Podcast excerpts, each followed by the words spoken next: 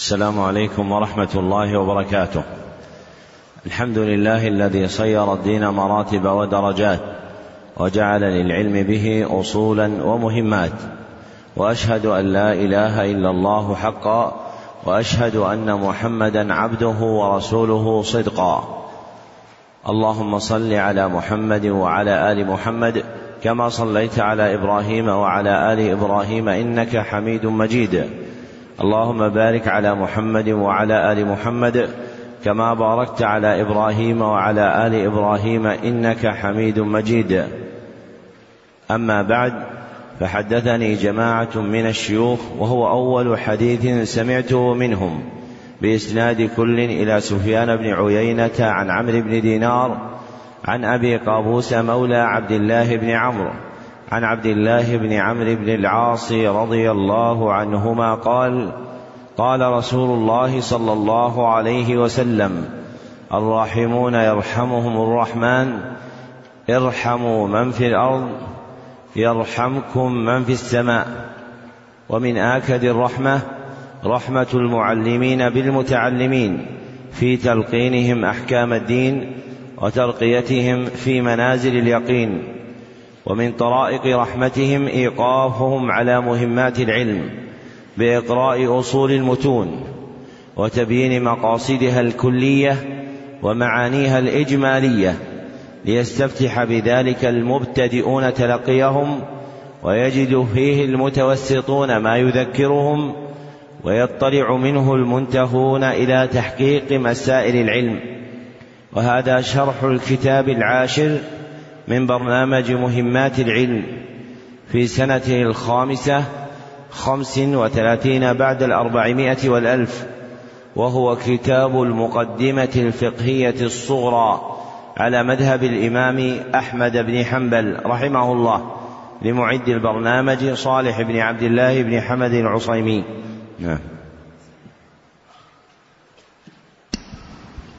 بسم الله الرحمن الرحيم. الحمد لله رب العالمين والصلاة والسلام على أشرف الأنبياء والمرسلين نبينا محمد وعلى آله وصحبه أجمعين. أحسن الله إليكم. قلتم حفظكم الله في المقدمة الفقهية الصغرى على مذهب الإمام أحمد بن حنبل رحمه الله. بسم الله الرحمن الرحيم. الحمد لله الذي فقه خير عباده في الشرائع وأوصل إليهم بفضله بدائع الصنائع. وصلى الله وسلم على رسوله محمد وعلى آله وصحبه ومن لهديه تجرد. أما بعد فهذه مقدمة صغرى وذخيرة يسرى في الفقه على المذهب الأسنى مذهب الإمام الرباني أبي عبد الله أحمد بن حنبل الشيباني بلغه الله غاية الأمان. تحوي من الطهارة والصلاة أمات المسائل التي تشتد إليها حاجة المتفقه العائل مرتبة في فصول مترجمة ومسرودة بعبارة مفهمة. والله أسأل أن يتقبل مني ويعفو عني وينفع بها المتفقهين ويدخر أجرها عنده إلى يوم الدين. قوله ومن لهديه تجرد إشارة إلى أن المقصود بالتعبد هو هديه صلى الله عليه وسلم إشارة إلى أن المقصود بالتعبد هو هديه صلى الله عليه وسلم فالذي ينبغي تجريد الاتباع له من الخلق هو الرسول صلى الله عليه وسلم واتخاذ المتون الفقهية المنسوجة على مذهب من المذاهب يراد به أن تكون مرقاة للوصول إلى معرفة ما جاء به الرسول صلى الله عليه وسلم فهي بمنزلة العلوم الآلية فهي بمنزلة العلوم الآلية. ذكره العلامة سليمان بن عبد الله في تيسير العزيز الحميد. فمن المراقي المفضية إلى, إلى فهم الأحكام الشرعية الطلبية أن يتلمس المتعلم حكم الشرع الذي جاء به النبي صلى الله عليه وسلم مستعينا بالكتب الموضوعة في الفروع ابتغاء إعانتها إياه في تصور المسائل فتعين تلك الكتب الفروعية في تصور المسائل الفقهية ثم يطلب بعد معرفة ما جاء به الرسول صلى الله عليه وسلم في هذه المسائل. فلا يقصد بوضع الفقه على هذه الصورة أن تكون نصا ثابتا لا يخرج عنه بل المراد أن تكون معينة على تصور مسائل الفقه. وقوله ذخيرة يسرى أي مدخر متصف متصف باليسر. أي مدخر متصف باليسر. فاليسرى مؤنث الأيسر. واليسر ملائم للنفس لموافقته الشرع والطبع.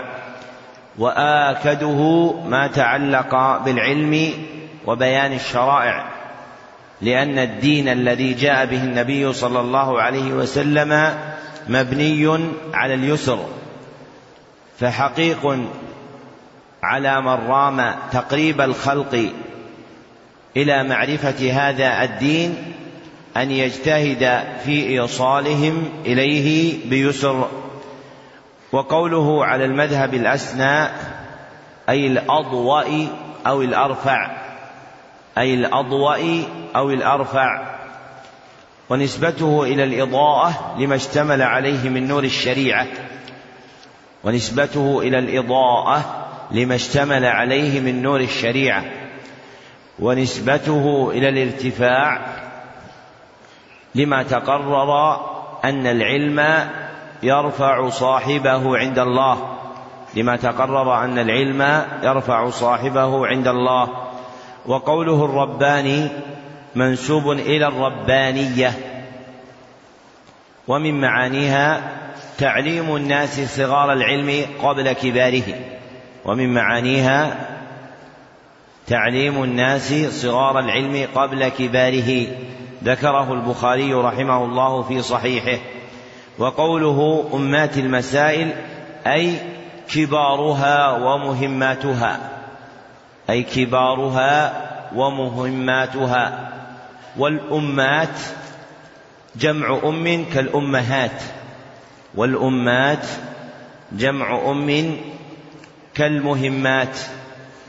وكلاهما يصلح جمعا لأم من يعقل ومن لا يعقل. وكلاهما يصلح جمعا لأم من يعقل وما لا يعقل. وذهب بعض أهل اللغة إلى اختصاص الأمهات بجمع أم من يعقل واختصاص الأمات بجمع أم من لا يعقل والمشهور هو الأول في التسوية بينهما. وقوله العائل هو الفقير المحتاج إلى من يعوله في دينه أو دنياه هو الفقير المحتاج إلى من يعوله في دينه أو دنياه. وممن هو عائل في الدين المبتدئ في العلم. وممن هو عائل في الدين المبتدئ في العلم. فإنه فقير إلى مسائله. محتاج إلى من يقوم على رعايته. فيعوله بإمداده بأنواع العلوم. وتغذيته بمهماتها شيئا فشيئا حتى يحصل له مقصوده من العلم. وقوله فصول مترجمة أي مقرونة بتراجم وضعت لتفصح عن مضمونها أي مقرونة بتراجم وضعت لتفصح عن مضمونها. وسميت العناوين التي تجعل قبل جملة من المسائل تراجم لأنها لأنها تترجم عن مضمون تلك المسائل أي تخبر عنها لأنها تترجم عن مضمون تلك المسائل أي تخبر عنها وتنبئ عن مقصودها. وهذه الفصول تتضمن مسائل في الفقه من بابي الطهارة والصلاة لأنهما أولى أبواب الفقه بالدرس وأحقها بابتداء الأخذ لافتقار المتعلم إليهما في إقامة ما يلزمه من العبادة ابتداء ومما يعين على أخذها التفقه فيها بواسطة متن في مذهب من المذاهب المتبوعة ليعين على فهم تلك الأحكام ويوصل إلى تصور مسائلها. فإذا فهمت تلك المسائل طلبت معرفة ما جاء به النبي صلى الله عليه وسلم فيها. ومن جملة المذاهب المتبوعة المشهورة مذهب الإمام أحمد بن حنبل رحمه الله تعالى فإنه مذهب شهير له أتباع في كثير من البلدان فمنها بلادنا هذه ومنها عمان ومنها سورية ومنها فلسطين في نواح أخرى من الأرض. فوضع هذا المتن وفق هذا المذهب لشهرته في جملة من البلاد الإسلامية ومنها بلادنا هذه. فالمذهب المعتمد في نظام الحكم هو مذهب الإمام أحمد بن حنبل رحمه الله تعالى.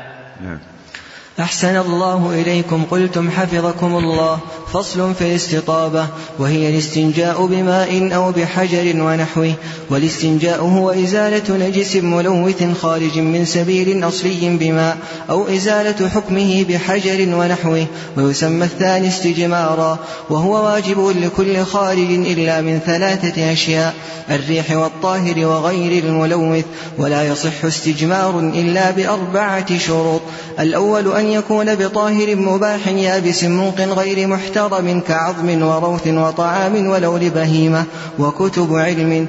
والثاني أن يكون بثلاث مسحات إما بحجر ذي شعب أو بثلاثة أحجار. تعم كل مسحة المحل فإن لم تنق زاد ويستحب قطعه على وتر. والثالث أن لا يجاوز الخارج موضع العادة. والرابع حصول الإنقاء. والإنقاء بماء عود خشونة المحل كما كان وبحجر ونحوه أن يبقى أثر لا يزيله إلا الماء وظنه كاف. عقد المصنف وفقه الله فصلا من فصول هذا الكتاب ترجم له بقوله فصل في الاستطابة وترجمته موافقة بعض كتب المذهب كالخرق والهداية وغيرهما واختلف الأصحاب في التراجم الموضوعة الجامعة للمسائل المذكورة في هذا الفصل فعقدوا لها تراجم على أربعة أنحاء. أولها ترجمته باسم باب الاستطابة ترجمته باسم باب الاستطابة. وثانيها ترجمته باسم باب الاستنجاء. وثالثها ترجمته باسم باب قضاء آداب قضاء الحاجة. باسم باب آداب قضاء الحاجة. ورابعها ترجمته باسم آداب التخلي. وأجمل هذه التراجم الموافقة للشرع والطبع هو الترجمة التي اختارها المصنف فقدمها على غيره فقال باب الاستطابة لما يحصل به من تطيب البدن لما يحصل به من تطيب البدن ودفع النجاسة عنه. وذكر المصنف في هذا الفصل أربع مسائل كبار فالمسألة الأولى ذكر فيها حقيقة الاستطابة في قوله وهي الاستنجاء بماء أو حجر ونحوه فالاستطابة تتبين بهذا الحد المفصح عنها وأنها الواقعة بذلك والاستنجاء يراد به إزالة النجو والاستنجاء يراد به إزالة النجو والنجو اسم للخارج والنجو اسم للخارج فهو بإزالته للخارج بماء أو حجر ونحوه ينفي ذلك الخارج عنه مستطيبا أي طالبا للطيب وهي الحال الكاملة في مباعدة الحدث. ثم ذكر المسألة الثانية في قوله والاستنجاء هو إزالة نجس ملوث إلى آخره وهي تتضمن بيان حقيقة الاستنجاء الشرعية وأن الاستنجاء يقع على أحد شيئين وأن الاستنجاء يقع على أحد شيئين أحدهما إزالة نجس ملوث إزالة نجس ملوث خارج من سبيل أصلي بماء خارج من سبيل أصلي بماء والآخر إزالة حكمه بحجر ونحوه إزالة حكمه بحجر ونحوه فأما الأول وهو إزالة النجس فالمراد بالنجس العين المستقدرة شرعا. العين المستقدرة شرعا. أي المحكوم بقدارتها شرعا لا طبعا. أي المحكوم بقدارتها شرعا لا طبعا لأن المستقدرات نوعان. أحدهما ما حكم بقدارته بطريق الشرع. ما حكم بقدارته بطريق الشرع فورد الدليل فيه على كونه قادرا كالبول. والآخر المستقدر العرفي المستقدر العرفي وهو ما وقع استقداره بطريق العرف. فتنفر عنه طباع الناس القويمة كالمخاط والنجس ينحصر في المستقدر الشرعي فقط. وأما المستقدر العرفي فلا يدخل في اسم النجس. وهذا النجس متصف بكونه ملوثا. والتلويث هو التقدير. والتلويث هو التقدير. وهذا النجس خارج أي مباين مفارق في خروجه من سبيل اصلي والسبيل هو المخرج. وكل إنسان له سبيلان القبل والدبر. وتكون إزالته هنا واقعة بماء. وأما الثاني وهو إزالة حكمه بحجر ونحوه فالمراد رفع حكم الخارج. فالمراد رفع حكم الخارج. فالإزالة ليست حقيقية. فالإزالة ليست حقيقية لأن مستعمل الحجر ونحوه إذا استعمله بقي بعد استعماله ما لا يرفعه إلا الماء. بقي بعد استعماله ما لا يرفعه إلا الماء. وهو البلة التي تكون بعد إزالة الخارج بالحجر. فمن استعمل حجرا فأزال الخارج بقي بعد إزالته بلة وهي المادة اللزجة التي تقارن الخارج. فهنا لا تكون الإزالة حقيقية لبقاء أثر النجاسة لكنها تكون حكمية ويعفى عن ذلك الأثر لمشقة إزالته بالحجر ونحوه. وهذا الثاني يسمى استجمارا.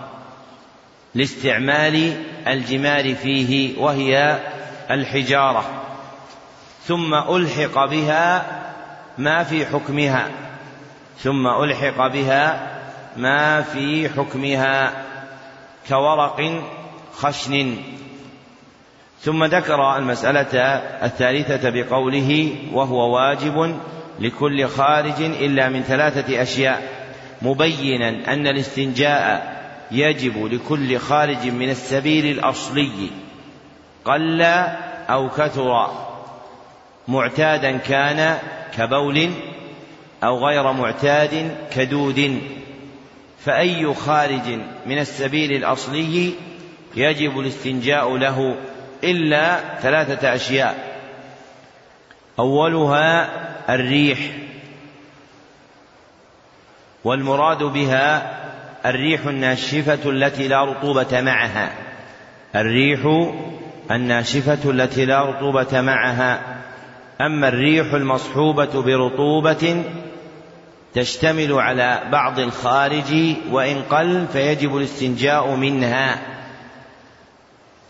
والأصل في الريح أن تكون غير مصحوبة بشيء من الخارج إلا أن بعض العلل التي تضرب الإنسان ربما إذا خرجت منه ريح دفعت معها شيئا من الخارج فوجد رطوبة ذلك الخارج. وهذه الرطوبة المحكوم بها يكون مع وجود بعض الخارج يكون مع وجود بعض الخارج فإن لم يوجد لم يضر ذلك شيئا وثانيها الطاهر. فإذا كان الخارج طاهرا لم يجب الاستنجاء منه. كالمني فإن المني مني ليس نجسا. فإن المني ليس نجسا ويجب الاغتسال من خروجه. لكن لا يجب الاستنجاء منه. وثالثها غير الملوث أي غير المقدر كالبعر الناشف كالبعر الناشف فمن يبست بطنه لعلة ونحوها فصار الخارج من بطنه ناشفا لا رطوبة فيه فإنه حينئذ لا يجب عليه الاستنجاء. ولم يختلف الحنابلة رحمهم الله في هؤلاء الثلاثة إلا أن منهم من لم يذكر الريح اكتفاء باندراجها في الطاهر إلا أن منهم من لم يذكر الريح اكتفاء باندراجها في الطاهر وإفرادها بالذكر أولى في بيان المستثنى من وجوب الاستنجاء. ثم ذكر المسألة الرابعة وتتضمن شروط صحة الاستجمار فذكر أن الاستجمار لا يصح إلا بأربعة شروط. فالشرط الأول أن يكون بطاهر مباح يابس إلى آخره وهذه الجملة ينتظم فيها عند الحنابلة كما ذكر ابن مفلح في المبدع وغيره شروط المستجمر به. شروط المستجمر به فإن للمستجمر به شروطا خمسة. فإن للمستجمر به شروطا خمسة. تعد جميعا شرطا في صحة الاستجمار. فشروط المستجمر به أولها أن يكون طاهرا لا نجسا ولا متنجسا. أولها أن يكون طاهرا لا نجسا ولا متنجسا. والنجس هو العين المستقدرة شرعا. والمتنجس هو الطاهر الذي لحقته نجاسة. والمتنجس هو الطاهر الذي لحقته نجاسة. وثانيها أن يكون مباحا غير مسروق ولا مغصوب. أن يكون مباحا غير مغصوب ولا مسروق والراجح صحة الاستجمار بغير المباح مع لحوق الإثم لفاعله والراجح صحة الاستجمار بغير المباح مع لحوق الإثم لصاحبه لأن عدم الإباحة وصف خارجي لا يتعلق بالاستجمار لأن عدم الإباحة وصف خارجي لا يتعلق بالاستجمار وهو رواية مخرجة عن الإمام أحمد اختارها من أصحابه ابن تيمية الحفيد رحمه الله وهو ظاهر كلام ابن قدامة. فلو قدر أن أحدا أخذ حجارة من أرض مغصوبة ليستجمر بها فأزال الخارج بهذه الحجارة فعلى مذهب الحنابلة لا يصح ذلك وعلى الراجح يصح ذلك مع لحوق الإثم به. وثالثها أن يكون يابسا غير رخو ولا ندي أن يكون يابسا غير رخو ولا ندي فلا يكون لينا ولا رطبا داخلته النداوة. ورابعها أن يكون منقيا أي مذهبا لنجاسة الخارج أي مذهبا لنجاسة الخارج. وخامسها أن يكون غير محترم أن يكون غير محترم. فلا يجوز الاستنجاء بمحترم والمحترم ما له حرمة والمحترم ما له حرمة. ومنه كما ذكر المصنف عظم وروث وطعام ولو لبهيمة أي ولو كان طعام بهيمة وكتب علم. فالمعدودات انفا لهن حرمة فلا يجوز الاستنجاء بهن. واختار بعض أهل العلم صحة الاستنجاء بهن وأنه يقع مجزيا منهم ابن تيمية الحفيد وهو ظاهر كلام الزركشي في شرح الخرقي. والشرط الثاني من شروط الاستجمار أن يكون بثلاث مسحات إما بحجر ذي شعب ثلاث إما بحجر ذي شعب ثلاث أي ثلاث نواح أو بثلاثة أحجار منفصلة فإما أن تكون كل مسحة بحجر مفرد أو تكون كل مسحة بجهة من حجر ذي شعب ثلاث فيمسح بكل جهة من جهاته. وشرط المسحة أن تعم المحل. وشرط المسحة أن تعم المحل. والمحل هو الصفحتان والمسربة. والمحل هو الصفحتان والمسربة. والمقصود بالصفحتين الجانبان من الوركين اللذين يحيطان بالمخرج. الجانبان من الوركين اللذين يحيطان يحيطان بالمخرج. وهما باطن الإلية المستتر بالانطباق عند القيام وهو باطن الإلية المستتر بالانطباق عند القيام. أي إذا قام المرء فانتصب قائما انطبقا والمسربة ما بينهما. فلا بد أن تعم كل مسحة المحل المذكور أي تشمله. فإن لم تنقذ ثلاث وبقيت بقية من النجاسة زاد فمسح رابعة. فإن لم تذهب النجاسة زاد خامسة فالمقصود إزالة نجاسة الخارج وأقل ما تحصل به كونها بثلاثة أحجار أو ما قام مقامها من حجر ذي ثلاث شعب. ثم الزيادة على الثلاث بحسب ما يستدعيه بقاء النجاسة.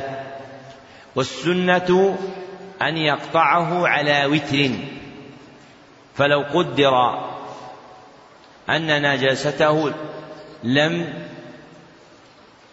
تنتفي بثلاثة أحجار فزاد رابعا انتفت به النجاسة فإنه يزيد خامسا ليقطعه على وتر مع كون الخامس ليس لإزالة النجاسة لأن النجاسة اندفعت بالأربعة لكن للمبالغة في دفع النجاسة وموافقة السنة في قطعها على وتر. والشرط الثالث ألا يجاوز الخارج موضع العادة أي المحل أي المحل المعتاد بأن ينتشر الخارج إلى الحشفة مثلا أي المحل المعتاد بأن ينتشر الخارج إلى الحشفة مثلا.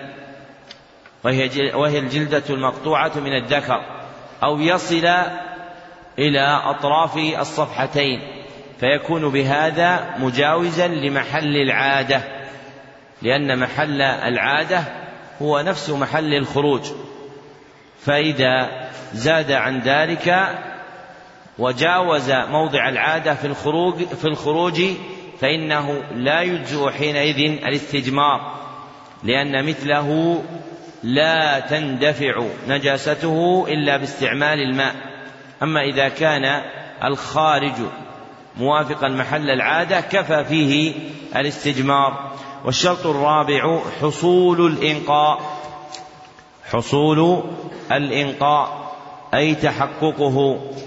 وقد ذكر المصنف ما يحصل به الإنقاء عند استعمال الماء وما يحصل به الإنقاء عند استعمال الحجر. فأما الإنقاء عند استعمال الماء فهو عود خشونة المحل كما كان. فهو عود خشونة المحل كما كان. أي رجوعه إلى سابق حاله. أي رجوعه إلى سابق حاله. بانتفاء اللزوجة التي هي أثر الخارج. بانتفاء اللزوجة التي هي أثر الخارج. فإذا استعمل الماء فانتفت هذه اللزوجة تحقق حينئذ الإنقاء بالماء. وأما الإنقاء بالحجر ونحوه فهو أن يبقى أثر لا يزيله إلا الماء. فهو أن يبقى أثر لا يزيله إلا الماء. والمراد بالأثر البلة التي تبقى عند استعمال الحجر. فإن المرء إذا استعمل الحجر فاندفعت عنه نجاسة الخارج بقيت بقية من أثره وهي البلة. وهذه البلة لا يدفعها إلا الماء وهي معفو عنها عند الاستجمار بحجارة ونحوها لمشقة التحرز منها. فإن المرء مهما استعمل الحجر لم تدفع تلك النجاسة إلا بأن يؤذي نفسه. وهو منهي عن أذية نفسه. فصارت معفوا عنها توسعة على الخلق ودفعا للضرر عنهم. ولا يشترط وجود اليقين لتحقق الإنقاء بل يكفي الظن.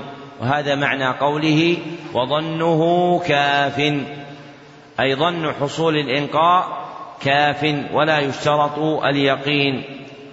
والمراد بالظن هنا هو الظن المحكوم به هو الظن المحكوم به مما يسمى ظنا غالبا مما يسمى ظنا غالبا. فإذا غلب على ظنه حصول الإنقاء كفاه ذلك. أما الظن المتوهم الذي لا حقيقة له فلا يعول عليه. نعم. قلتم أحسن الله إليكم فصل في السواك وغيره وهو استعمال عود في أسنان ولثة ولسان لإذهاب التغير ونحوه فيسن التسوك بعود لين موق غير مضر لا يتفتت إلا لصائم بعد الزوال فيكره ويباح قبله بعود رطب ويستحب بيابس ولم يصب السنة من استاك بغير عود ويتأكد عند صلاة ونحوها وتغير رائحة فم ونحوه وسنن الفطرة قسمان.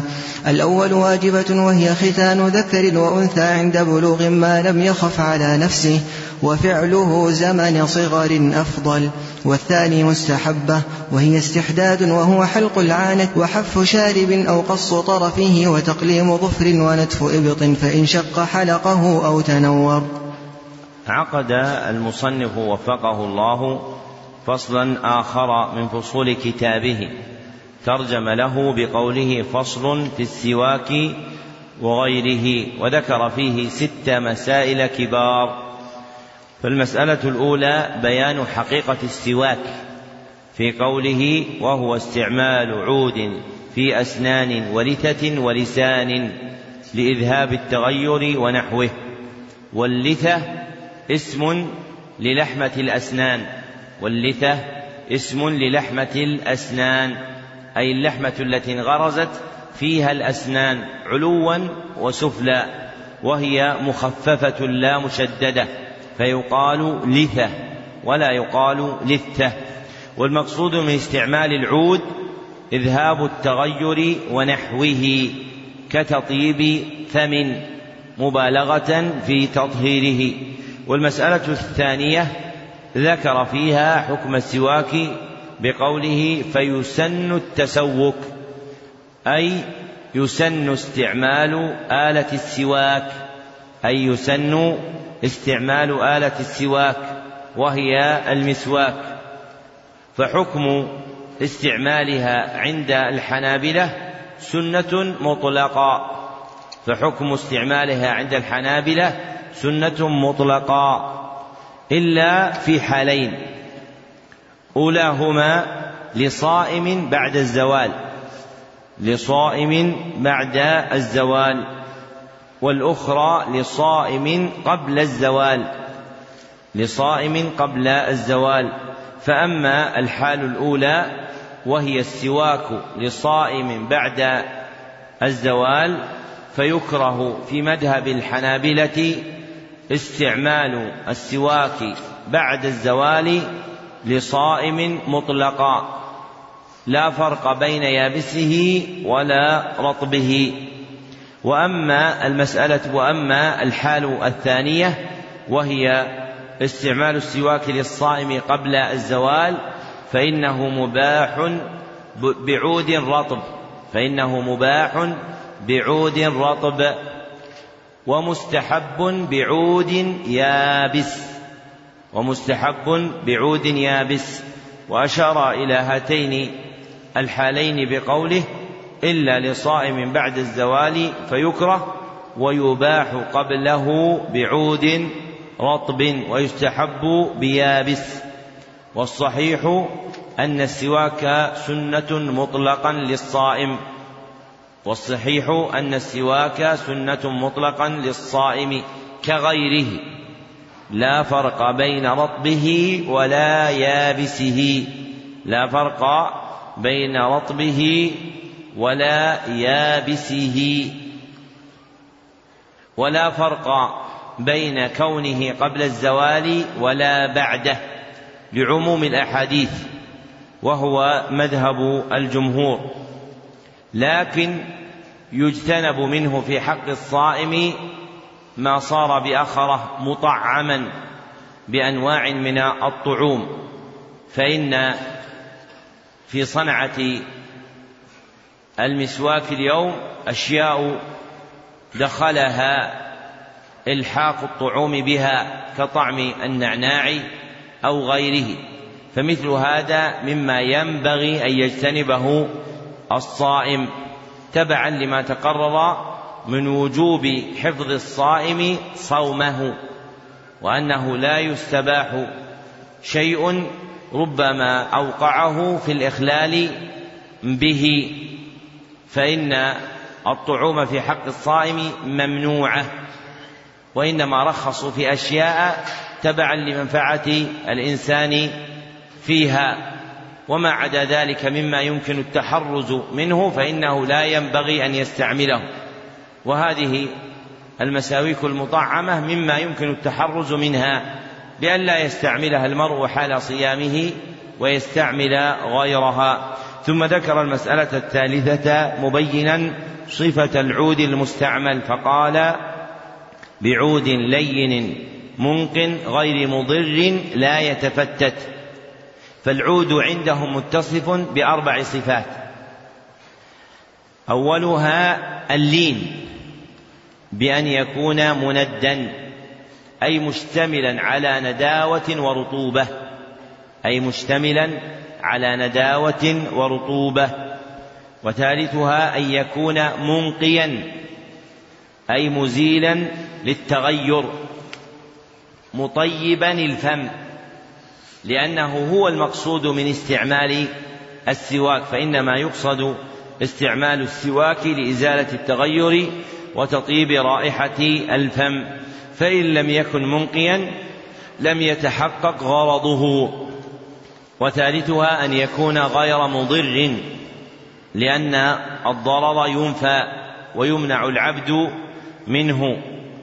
فإذا كان جارحا للثة فإنه مما لا ينبغي استعماله ويكره لمفارقته مقصد استعمال السماك السواك لأن استعمال السواك لتطيب الفم. وملؤه بالدم يخالف هذا المقصد ورابعها أن يكون غير متفتت لأن التفتت لا يحصل معه المقصود من استعمال السواك فإنه يصير ضعيفا لا يؤدي إلى إذهاب التغير اللاحق الفم. والمسألة الرابعة ذكرها في قوله ولم يصب السنة من استاك بغير عود أي كأصبع وخرقة. فلو أنه أذهب هذا التغير بأصبعه أو خرقة استعملها على أسنانه ولثته لم يكن مصيبا للسنة عند الحنابلة وهو الصحيح لأن الشرع جاء باستعمال آلة معينة فيه وهي العود المعروف بالسواك. والمسألة الخامسة بين فيها مواضع تأكد استعماله في قوله ويتأكد عند صلاة ونحوها وتغير رائحة فم ونحوه. فالسواك مطلوب تأكدا في موضعين. أحدهما عند صلاة ونحوها. والآخر عند تغير رائحة فم ونحوه. وهاتان الجملتان جامعتان للمواضع المتفرقة التي يذكرها الحنابلة. فإن ما ذكروه مما يرجع إلى العبادات مندرج في قوله عند صلاة ونحوها. وما ذكروه مما يرجع إلى العادات مندرج في قوله وتغير رائحة فم ونحوه. والأخذ بالعبارة الأجمع أنفع. فنظير الصلاة مثلا قراءة القرآن ونظير تغير رائحة فم إطالة سكوت فكما يتأكد في الأول منهما يتأكد في الثاني. لاشتراكهما اشتراكهما جميعا في العلة. ثم ذكر المسألة السادسة بقوله وسنن الفطرة قسمان ذاكرا فيها ما أشار إليه في الترجمة بقوله وغيره فإن غير السواك مما يذكره الحنابلة في هذا الباب هو سنن الفطرة. وسنن الفطرة هي السنن المنسوبة إلى الإسلام في كل ملة. هي السنن المنسوبة إلى الإسلام في كل ملة. فإن الفطرة هي الإسلام. قاله كثير من السلف. واختاره جماعة من المحققين كابن تيمية الحفيد وصاحبه أبي عبد الله بن القيم. وذكر المصنف أن أن سنن الفطرة عند الحنابلة نوعان. أحدهما سنن واجبة والآخر سنن مستحبة. فأما السنن الواجبة فذكرها بقوله وهي ختان ذكر أو أنثى عند بلوغ ما لم يخف على نفسه وزمن صغر أفضل. فابتدأها بذكر الختان وهو واجب عند الحنابلة معدود في سنن الفطرة. والختان نوعان والختان نوعان أحدهما ختان الذكر ختان الذكر ويكون بأخذ جلدة الحشفة ويكون بأخذ جلدة الحشفة. أي أعلى الذكر وتسمى القلفة والغرلة. وتسمى القلفة والغرلة. والآخر ختان الأنثى ختان الأنثى. ويكون بأخذ جلدة فوق محل الإيلاج. ويكون بأخذ جلدة فوق محل الإيلاج. تشبه عرف الديك. والفرق بين أخذهما عند الحنابلة أن أخذ أن ختان الذكر يستحب فيه استقصاء أخذ الجلدة. أن ختان الذكر يستحب فيه استقصاء أخذ الجلدة فيبالغ فيه. وأما ختان المرأة فلا يستحب أخذها كلها. فلا يستحب أخذها كلها استبقاء لمنفعتها لها. ووقت البلوغ ووقت الختان عند البلوغ. فإذا بلغ الرجل فإذا بلغ الذكر أو الأنثى وجب الختان. ما لم يخف ضررا. فإن خاف ضررا سقط عنه الوجوب دفعا للضرر.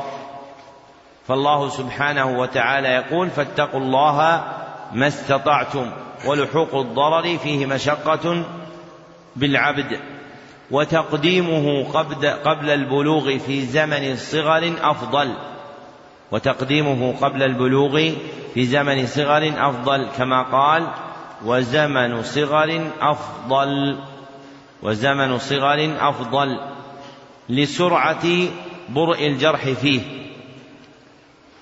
وحصول صحة البدن سريعا من أثره وحصول صحة البدن سريعا من أثره وزمن الصغر عند الحنابلة ما بعد سابعه إلى ما قبل بلوغه ما بعد سابعه إلى ما قبل بلوغه. وبه يعلم أن السابع فما دونه عند الحنابلة ليس مرادا فإن مذهب الحنابلة كراهة الختان في يوم السابع فما قبله. كراهة الختان في يوم السابع فما قبله. فيكون الصغر المذكور فضيلته ما بعد السابع إلى قبيل البلوغ والراجح عدم كراهة الختان في السابع فما قبله والراجح عدم كراهة الختان في السابع فما قبله وهو مذهب جمهور أهل العلم. وأما القسم الثاني من سنن الفطرة وهو السنن المستحبة فعدها بقوله وهي استحداد وحف شارب أو قص طرفه وتقليم ظفر ونتف إبط فهي أربع فهي أربع. أولها المذكور في قوله الاستحداد وفسره بقوله حلق العانة. حلق العانة أي استقصاء أخذ شعرها بحديدة أي استقصاء أخذ شعرها بحديدة فالاستحداد منسوب إلى استعمال حديدة فيها فالاستحداد منسوب إلى استعمال حديدة فيها والعانة اسم للشعر المحيط بالفرج والعانة اسم للشعر المحيط بالفرج وثانيها حف الشارب حف الشارب والمراد به استقصاء أخذه استقصاء أخذه بقص طرفه النازل على الشفة بقص طرفه النازل على الشفة.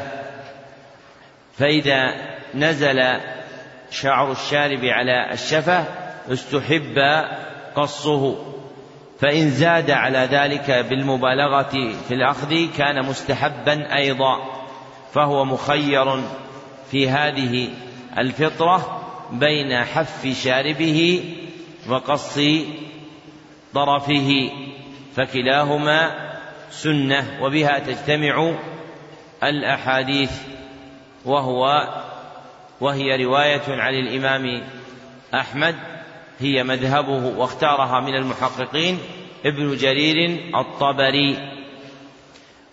والثالث تقليم الظفر والمراد به قص الأظفار في الأيدي والأرجل. والرابع نتف الإبط وهو نتف الشعر الكائن فيه والإبط اسم لما يتبطنه المنكب من الجسد. والمنكب والإبط اسم لما يتبطنه المنكب من الجسد. فما هو باطن المنكب يسمى إبطا والسنة فيه نتفه. والسنة فيه نتفه بأن يأخذه قلعا ونزعا.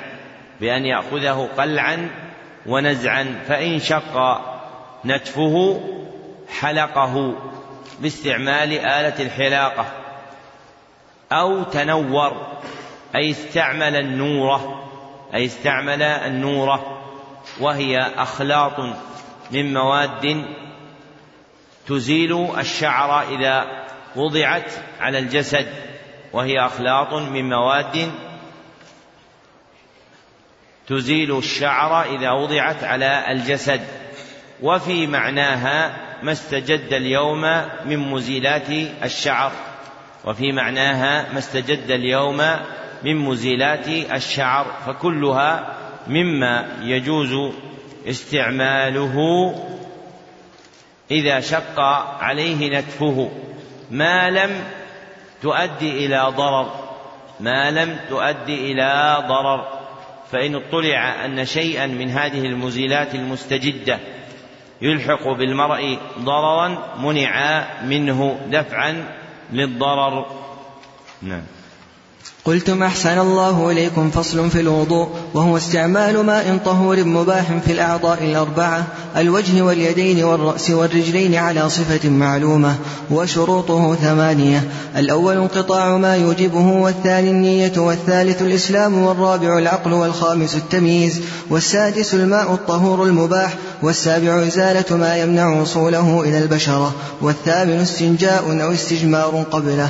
وشرط أيضا دخول وقت من حدثه دائم لفرضه وواجبه التسمية مع الذكر وفروضه ستة الأول غسل الوجه ومنه الفم بالمضمضة والأنف بالاستنشاق والثاني غسل اليدين مع المرفقين والثالث مسح الرأس كله ومنه الأذنان والرابع غسل الرجلين مع الكعبين والخامس الترتيب بين الأعضاء كما ذكر الله تعالى والسادس الموالاة بأن لا يؤخر غسل عضو حتى يجف العضو الذي قبله أو بقية عضو حتى يجف أوله بزمن معتدل أو قدره من غيره ويسقطان مع غسل عن حدث أكبر ونواقضه ثمانية. الأول خارج من سبيل مطلقا والثاني خروج بول أو غائط من باقي البدن قل أو كثر أو نجس سواهما إن فحش في نفس كل أحد بحسبه. والثالث زوال أيقظ الأخ اللي بجنبه أيقظ الأخ خبروه ترى عليه فوت. نعم. والثالث زوال عقل أو تغطيته إلا يسير نوم من قاعد وقائم غير مستند ونحوه والرابع مس فرج آدمي متصل بيده بلا حائل والخامس لمس ذكر أو أنثى الآخر بشهوة بلا حائل ولا ينتقض وضوء ممسوس فرجه أو ملموس بدنه ولو وجد شهوة والسادس غسل ميت والغاسل من يقلب الميت ويباشره لا من يصب الماء ونحوه. والسابع أكل لحم الجزور والثامن الردة عن الإسلام أعاذنا الله تعالى منها. وكل ما أوجب غسلا أوجب وضوءا غير موت ومن تيقن طهارة وشك في حدث أو عكسه بنى على يقينه.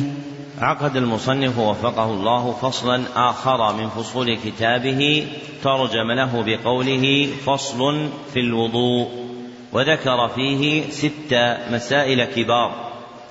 فالمسألة الأولى بيان حقيقة الوضوء الشرعية وهي المذكورة في قوله استعمال ماء طهور مباح في الأعضاء الأربعة الوجه واليدين والرأس والرجلين على صفة معلومة فالوضوء مخصوص شرعا باستحمال الماء المباح في هذه الأعضاء الأربعة على صفة معلومة أي مبينة معينة أي مبينة معينة. والخبر عن الحكم الشرعي بالمعلوم أولى من المخصوص والخبر عن الحكم الشرعي بالمعلوم أولى من المخصوص. بأن تقول مثلا في وقت معلوم لا وقت مخصوص. أو تقول على صفة معلومة لا صفة مخصوصة لأن العلم هو الم... لأن العلم هو المستعمل في هذا المحل في خطاب الشرع لأن العلم هو المستعمل في هذا المحل في خطاب الشرع. قال الله عز وجل في أيام معلومات وقال الحج أشهر معلومات فمقصود المصنف في قوله على صفة معلومة أي مبينة بطريق الشرع. فالوضوء عند الحنابلة ما جمع هذه الأوصاف المذكورة في حده والراجح صحة الوضوء بالماء غير المباح والراجح صحة الوضوء بالماء غير المباح كالمسروق والمغصوب وإجزاؤه العبد إذا استعمله. وهذا هو مذهب جمهور أهل العلم. وهذا هو مذهب جمهور أهل العلم. فالوضوء شرعا هو استعمال الماء الطهور في الأعضاء الأربعة على صفة معلومة. هو استعمال الماء الطهور في الأعضاء الأربعة على صفة معلومة. فالفرق بين مذهب الجمهور ومذهب الحنابلة هو قيد الإباحة هو قيد الإباحة. ثم ذكر المسألة الثانية وتتضمن شروط الوضوء وشروط الوضوء اصطلاحا هي أوصاف خارجة عن ماهية الوضوء هي أوصاف خارجة عن ماهية الوضوء. تترتب عليها آثارها تترتب عليها آثارها. والماهية هي الحقيقة والماهية هي الحقيقة وعدتها ثمانية. فالأول انقطاع ما يوجبه أي ما يوجب الوضوء وموجب الوضوء هو ناقضه.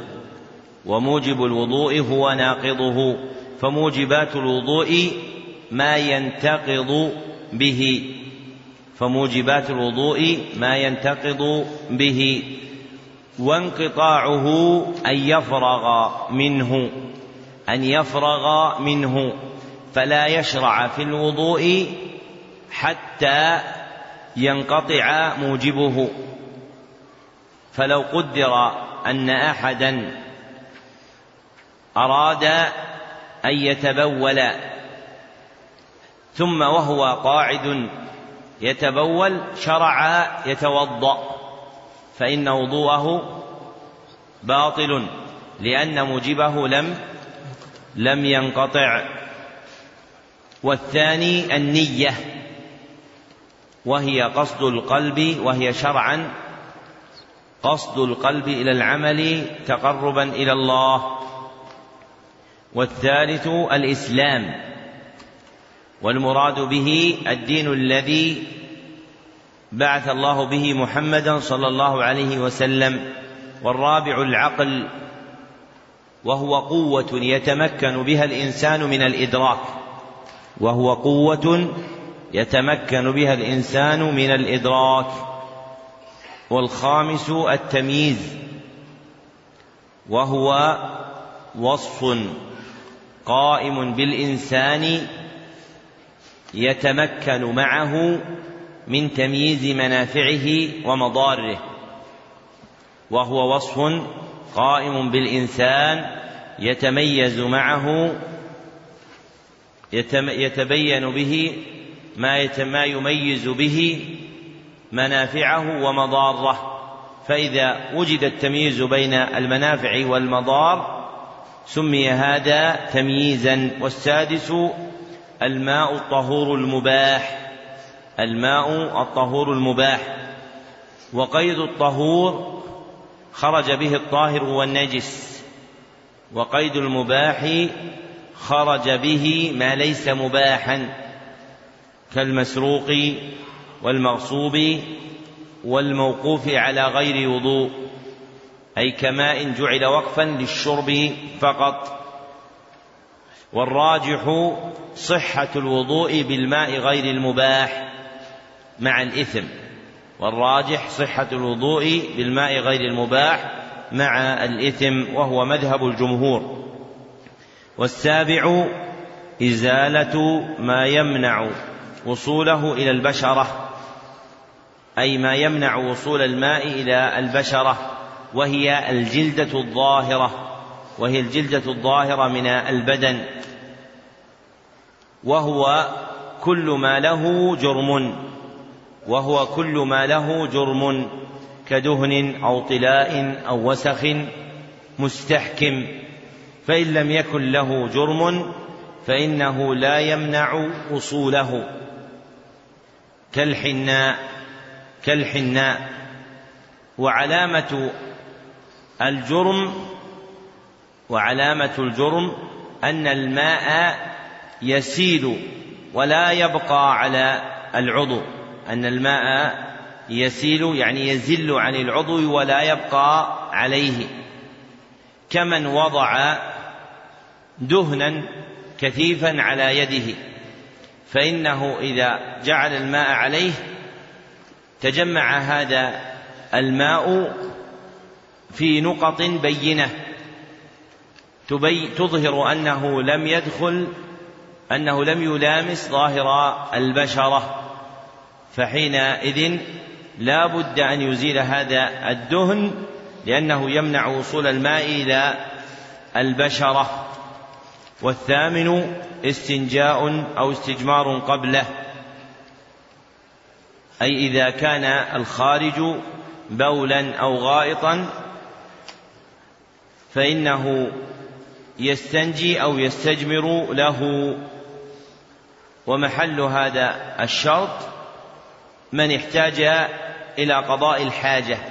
فمن تلبس بقضاء الحاجة فإنه يلزمه الاستنجاء أو الاستجمار قبل الوضوء.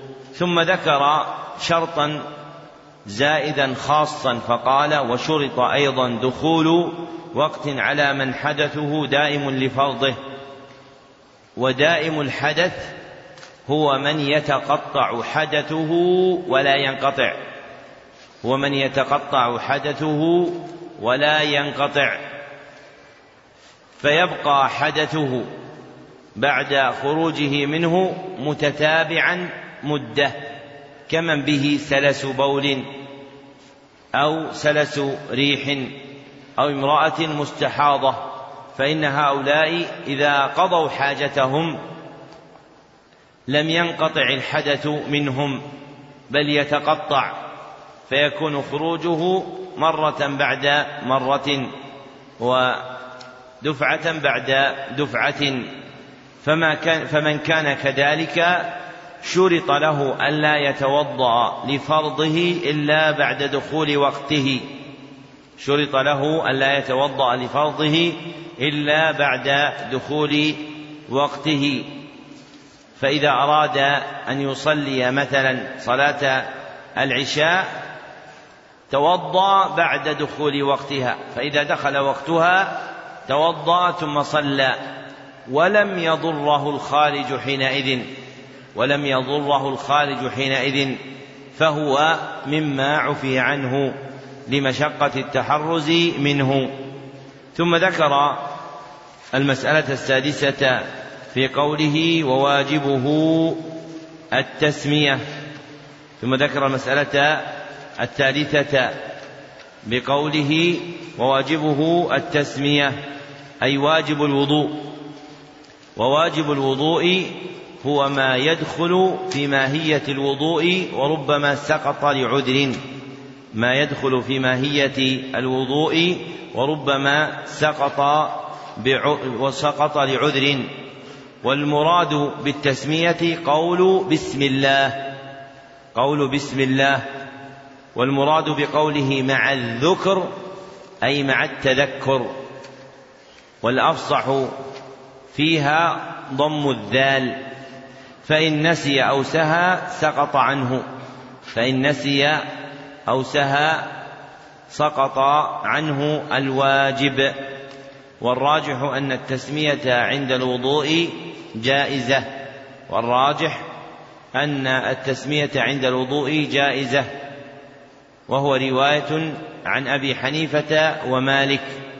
والقول بالاستحباب فيه قوة. والقول بالاستحباب فيه قوة. أما الإيجاب ففيه بعد وأما الإيجاب ففيه بعد. ثم ذكر المسألة الرابعة مبينا فيها فروض الوضوء فقال وفروضه ستة. وفروض الوضوء هي ما تتركب منه ماهية الوضوء.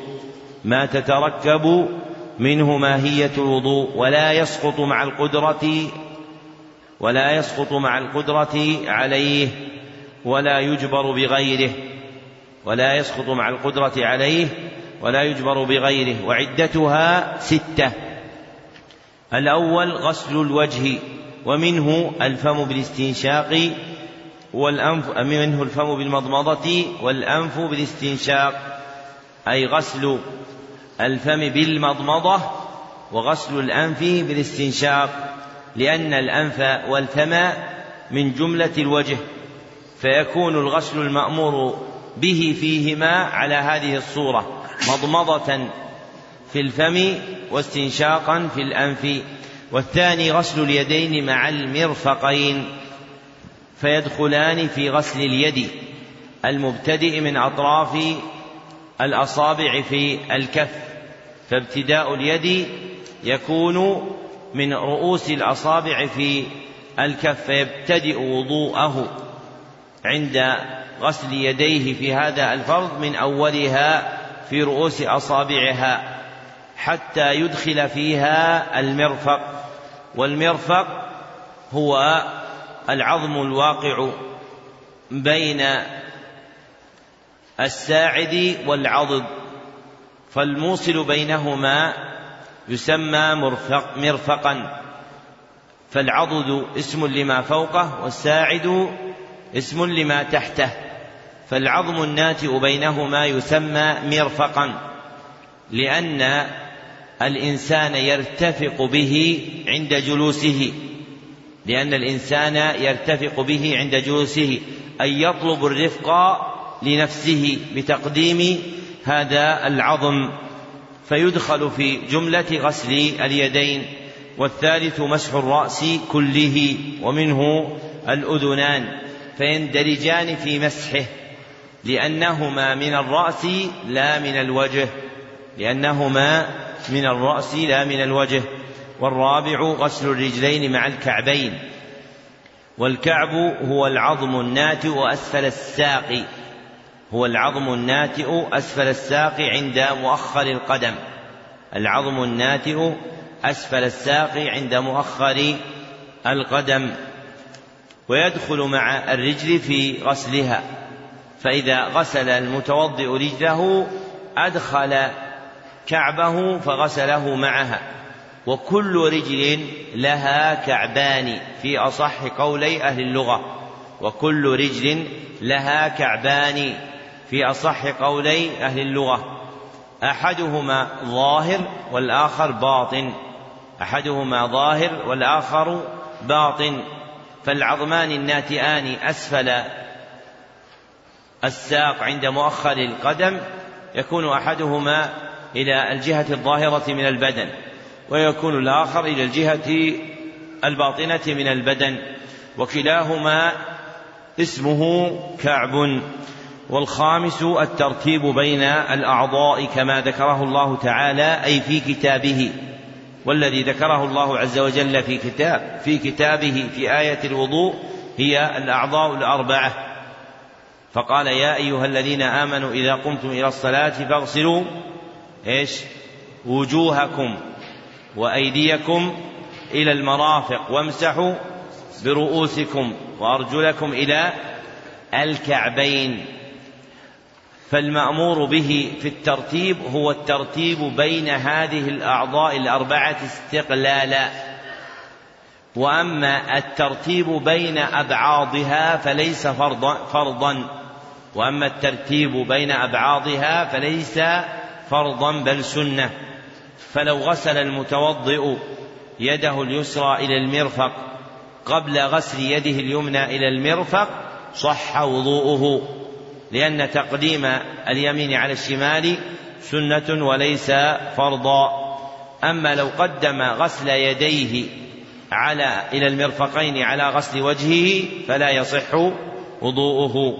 والسادس الموالاة وضابطها عند الحنابلة هو المذكور في قوله ألا يؤخر غسل عضو حتى يجف ما قبله أي العضو الذي قبله.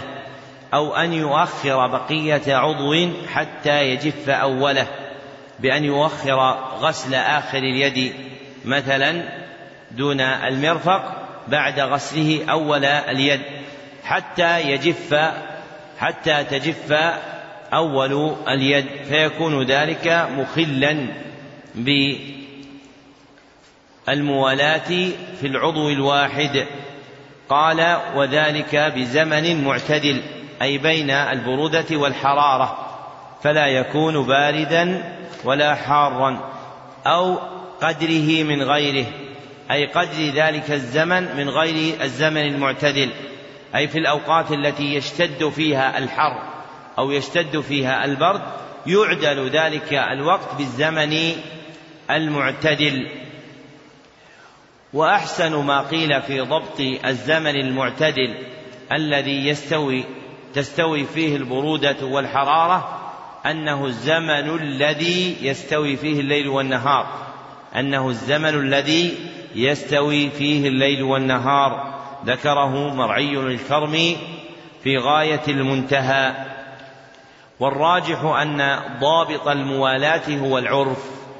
والراجح أن ضابط الموالاة هو العرف فإليه الحكم في تقدير تتابع أعضاء الوضوء. فإذا حكم العرف بأن ذلك لا يخل بتتابعها صح وضوءه. وإن حكم العرف بأن ذلك يخل بها لم يصح وضوءه.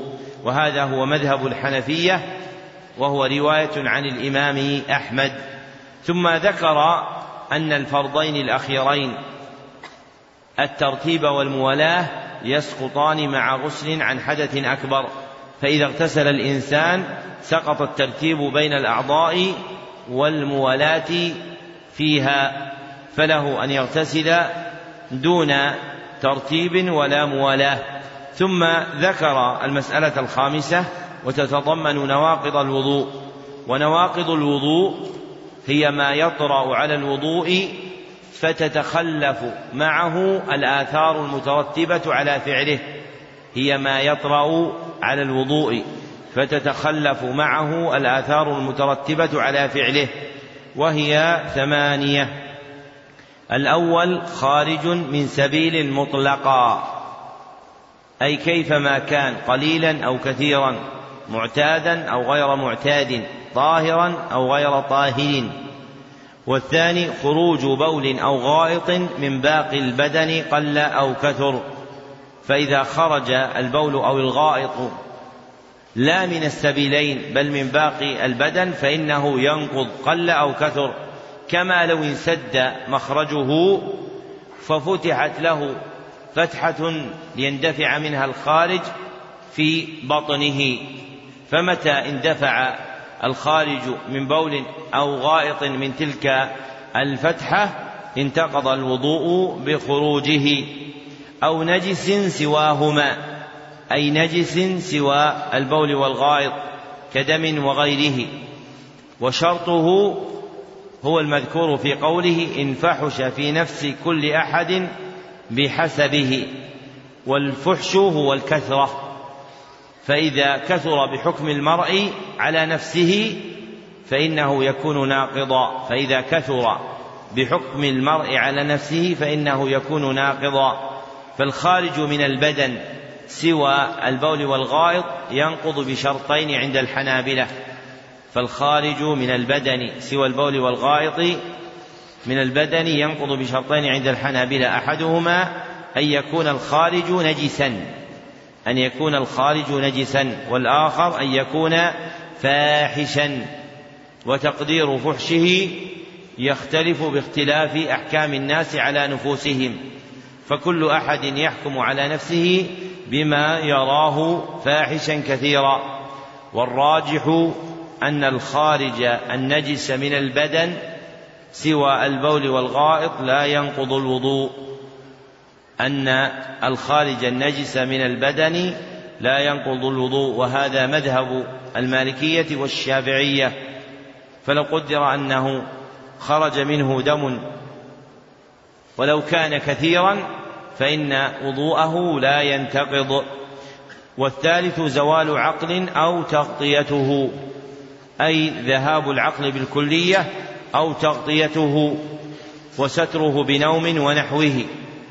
إلا يسير نوم من قاعد وقائم غير مستند ونحوه فيستثنى من ذلك يسير النوم أي قليله إذا كان من قاعد وقائم لا من مضطجع. فلو كان يسيرا من مضطجع فإنه ينقض الوضوء. فنقض الوضوء عند الحنابلة له شرطان. فنقض الوضوء بالنوم عند الحنابلة له شرطان أحدهما أن يكون ذلك النوم كثيرا أن يكون ذلك النوم كثيرا. والآخر أن يكون يسيرا لكن من غير قاعد أو قائم. أن يكون يسيرا لكن من غير قاعد وقائم.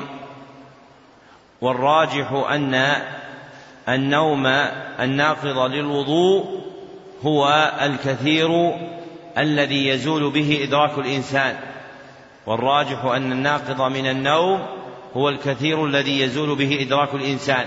على أي حال كان على أي حال كان قائما أو قاعدا أو مضطجعا وهو مذهب الأوزاعي وربيعة ابن أبي عبد الرحمن ورواية عن الإمام أحمد رحمهم الله تعالى والرابع مس فرج آدمي متصل لا منفصل بيده لا ظفره. لأن الظفر في حكم المنفصل من الإنسان لأنه يزيله بالقطع والتقليم بلا حائل أي بلا مانع. فمتى أفضت اليد إلى الفرج مباشرة انتقض الوضوء. والراجح أن مس الفرج لا ينقض الوضوء. والراجح أن مس الفرج لا ينقض الوضوء. وهو مذهب أبي حنيفة ورواية عن الإمام أحمد وهو مذهب أبي حنيفة ورواية عن الإمام أحمد. والخامس لمس ذكر أو أنثى الآخر بشهوة بلا حائل. لمس ذكر أو أنثى الآخر بشهوة بلا حائل. والشهوة هي التلذذ. فمتى وجدت اللذة فقد وجدت الشهوة. والمقصود بقولهم بلا حائل أي بلا مانع بأن يفضي إلى الجسد مباشرة فتقع المباشرة للجلدة الظاهرة من البدن. ولا ينتقض وضوء ممسوس فرجه أو ملموس بدنه ولو وجد شهوة فإذا مس فرج أحد أو لمس بدنه ولم يكن هو المبتدئ لذلك فإن وضوءه لا ينتقض وإنما يكون النقض في حق الماس أي المبتدئ بالمس فهو الذي ينتقض وضوءه. والسادس غسل ميت. والغاسل من يقلب الميت ويباشره لا من يصب الماء ونحوه. فمن يصب الماء لا يكون غاسلا. وإنما الغاسل الذي ينتقض وضوءه هو من يقلب الميت ويباشره بالغسل والسابع أكل لحم الجزور والجزور هي الإبل وعدل الحنابلة عن قولهم أكل لحم الإبل لأنهم يخصون منه ما جزر بالقطع لأنهم يخصون منه ما جزر بالقطع بأن يحتاج إلى فصله عن العظام بقطع فإن لم يكن كذلك فإنه عندهم لا ينقض. ولذلك فإنهم لا ينقضون الوضوء بأكل الرأس من الإبل أو بأكل الحوايا ككبد أو طحال أو قلب لأنها ليست من جملة ما يدخله الجزر فليس فيه حاجة إلى فصله عن عظم بآلة كسكين ونحوها. والثامن الردة عن الإسلام بالخروج منه أعاذنا الله تعالى وإياكم منها. ثم ذكر المصنف ضابطا كليا في الباب جعله بعض الحنابلة الثامن مع إلغاء ذكر الردة لأنها من موجبات الغسل. فقال وكل ما أوجب غسلا أوجب وضوءا غير موت. أي أن كل شيء من موجبات الغسل الآتي ذكرها إذا تلبس به الإنسان فإنه يجب عليه الوضوء أيضا. فإذا خرج منه المني مثلا دفقا بلذة فإنه يجب عليه الوضوء تبعا لوجوب الغسل عليه. فيجمع بين وضوء وغسل. واستثنى الحنابلة من ذلك ما ذكره المصنف بقوله غير موت.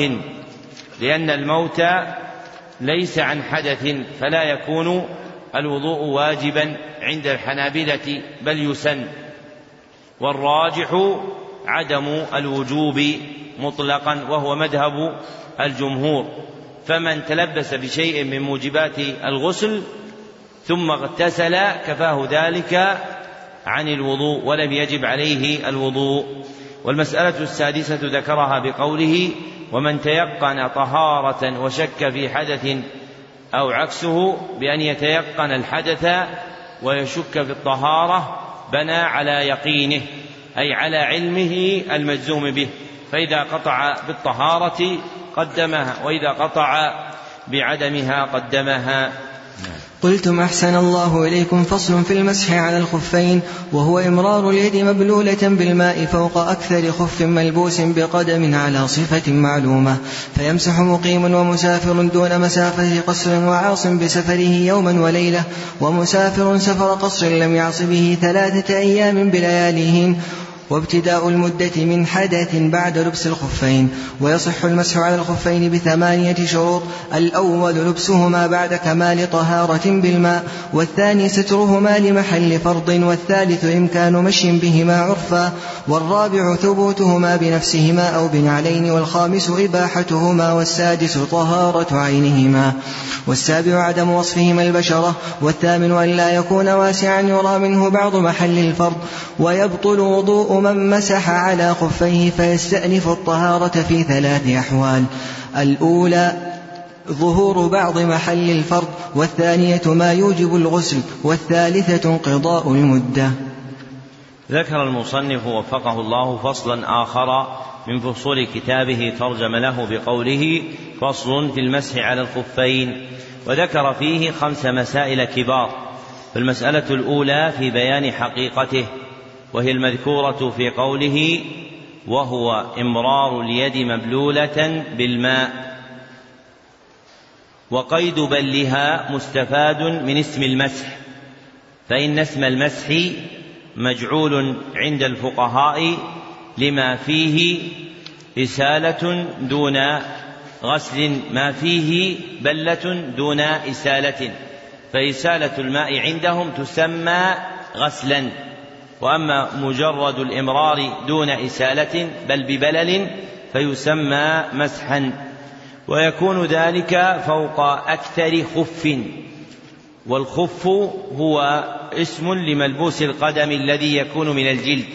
اسم لملبوس القدم الذي يكون من الجلد. ولهذا قال ملبوس بقدم على صفة معلومة أي مبينة عند الفقهاء.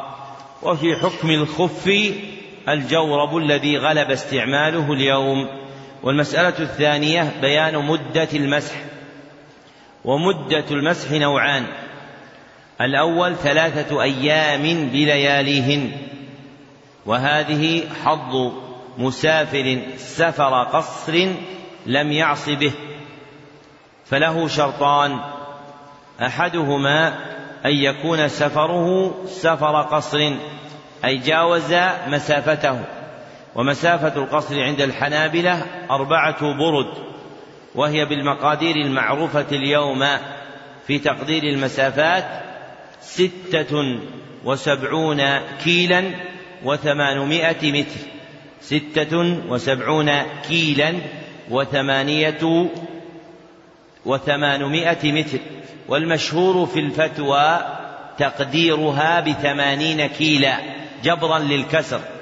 والمشهور في الفتوى تقديرها بثمانين كيلا جبرا للكسر. والآخر أن يكون سفرا لم يعص به أي ليس قصده إصابة المعصية فليس محركه إلى السفر طلب المعصية. فإنه لو كان محركه إلى السفر طلب المعصية قيل لو لأنه لو لكان محركه لو لم يكن محركه طلب المعصية قيل لم يعص فيه. لكن هذا غير مطلوب لأن الإنسان لا يسلم من المعصية. لكن المشترط أن يكون سفره لم يعص به أي لم يطلب خروجه إلى السفر لإرادة إصابة المعصية. والنوع الثاني يوم وليلة. وهذا حظ ثلاثة. أحدهم المقيم وهو الباقي في دار الحضر التي يسكنها. أحدهم المقيم وهو الباقي في دار الحضر التي يسكنها. وثانيهم المسافر دون مسافة قصر. المسافر دون مسافة قصر وهو من فارق بلده لكن لم يبلغ مسافة القصر كأن يخرج إلى أربعين كيلا. وثالثهم مسافر سفرا عاص بسفره مسافر سفرا عاص بسفره أي خرج فيه لإصابة المعصية. فقاعدة المذهب بل المذاهب الأربعة أن الرخص أن الرخص لا تناط بالمعاصي أي لا يوسع بالرخصة على مريد المعصية فلا يترخص بما جاء في الشرع من الرخص. والراجح أنه يترخص كغيره فالمسافر سفر قصر عاص بسفره مدته كمدة غيره من المسافرين. وهذا هو مذهب الحنفية. والمسألة الثالثة بين فيها الحين الذي يبتدئ فيه المسح فذكر أن ابتداء المدة يكون من حدث بعد لبس الخفين فإذا لبس خفيه ثم أحدث فإن احتساب مدته يكون من حين الحدث ولو تأخر مسحه. فلو أن إنسانا لبس الخفين قبل صلاة العصر قبل صلاة الظهر ثم أحدث بعد صلاة العصر.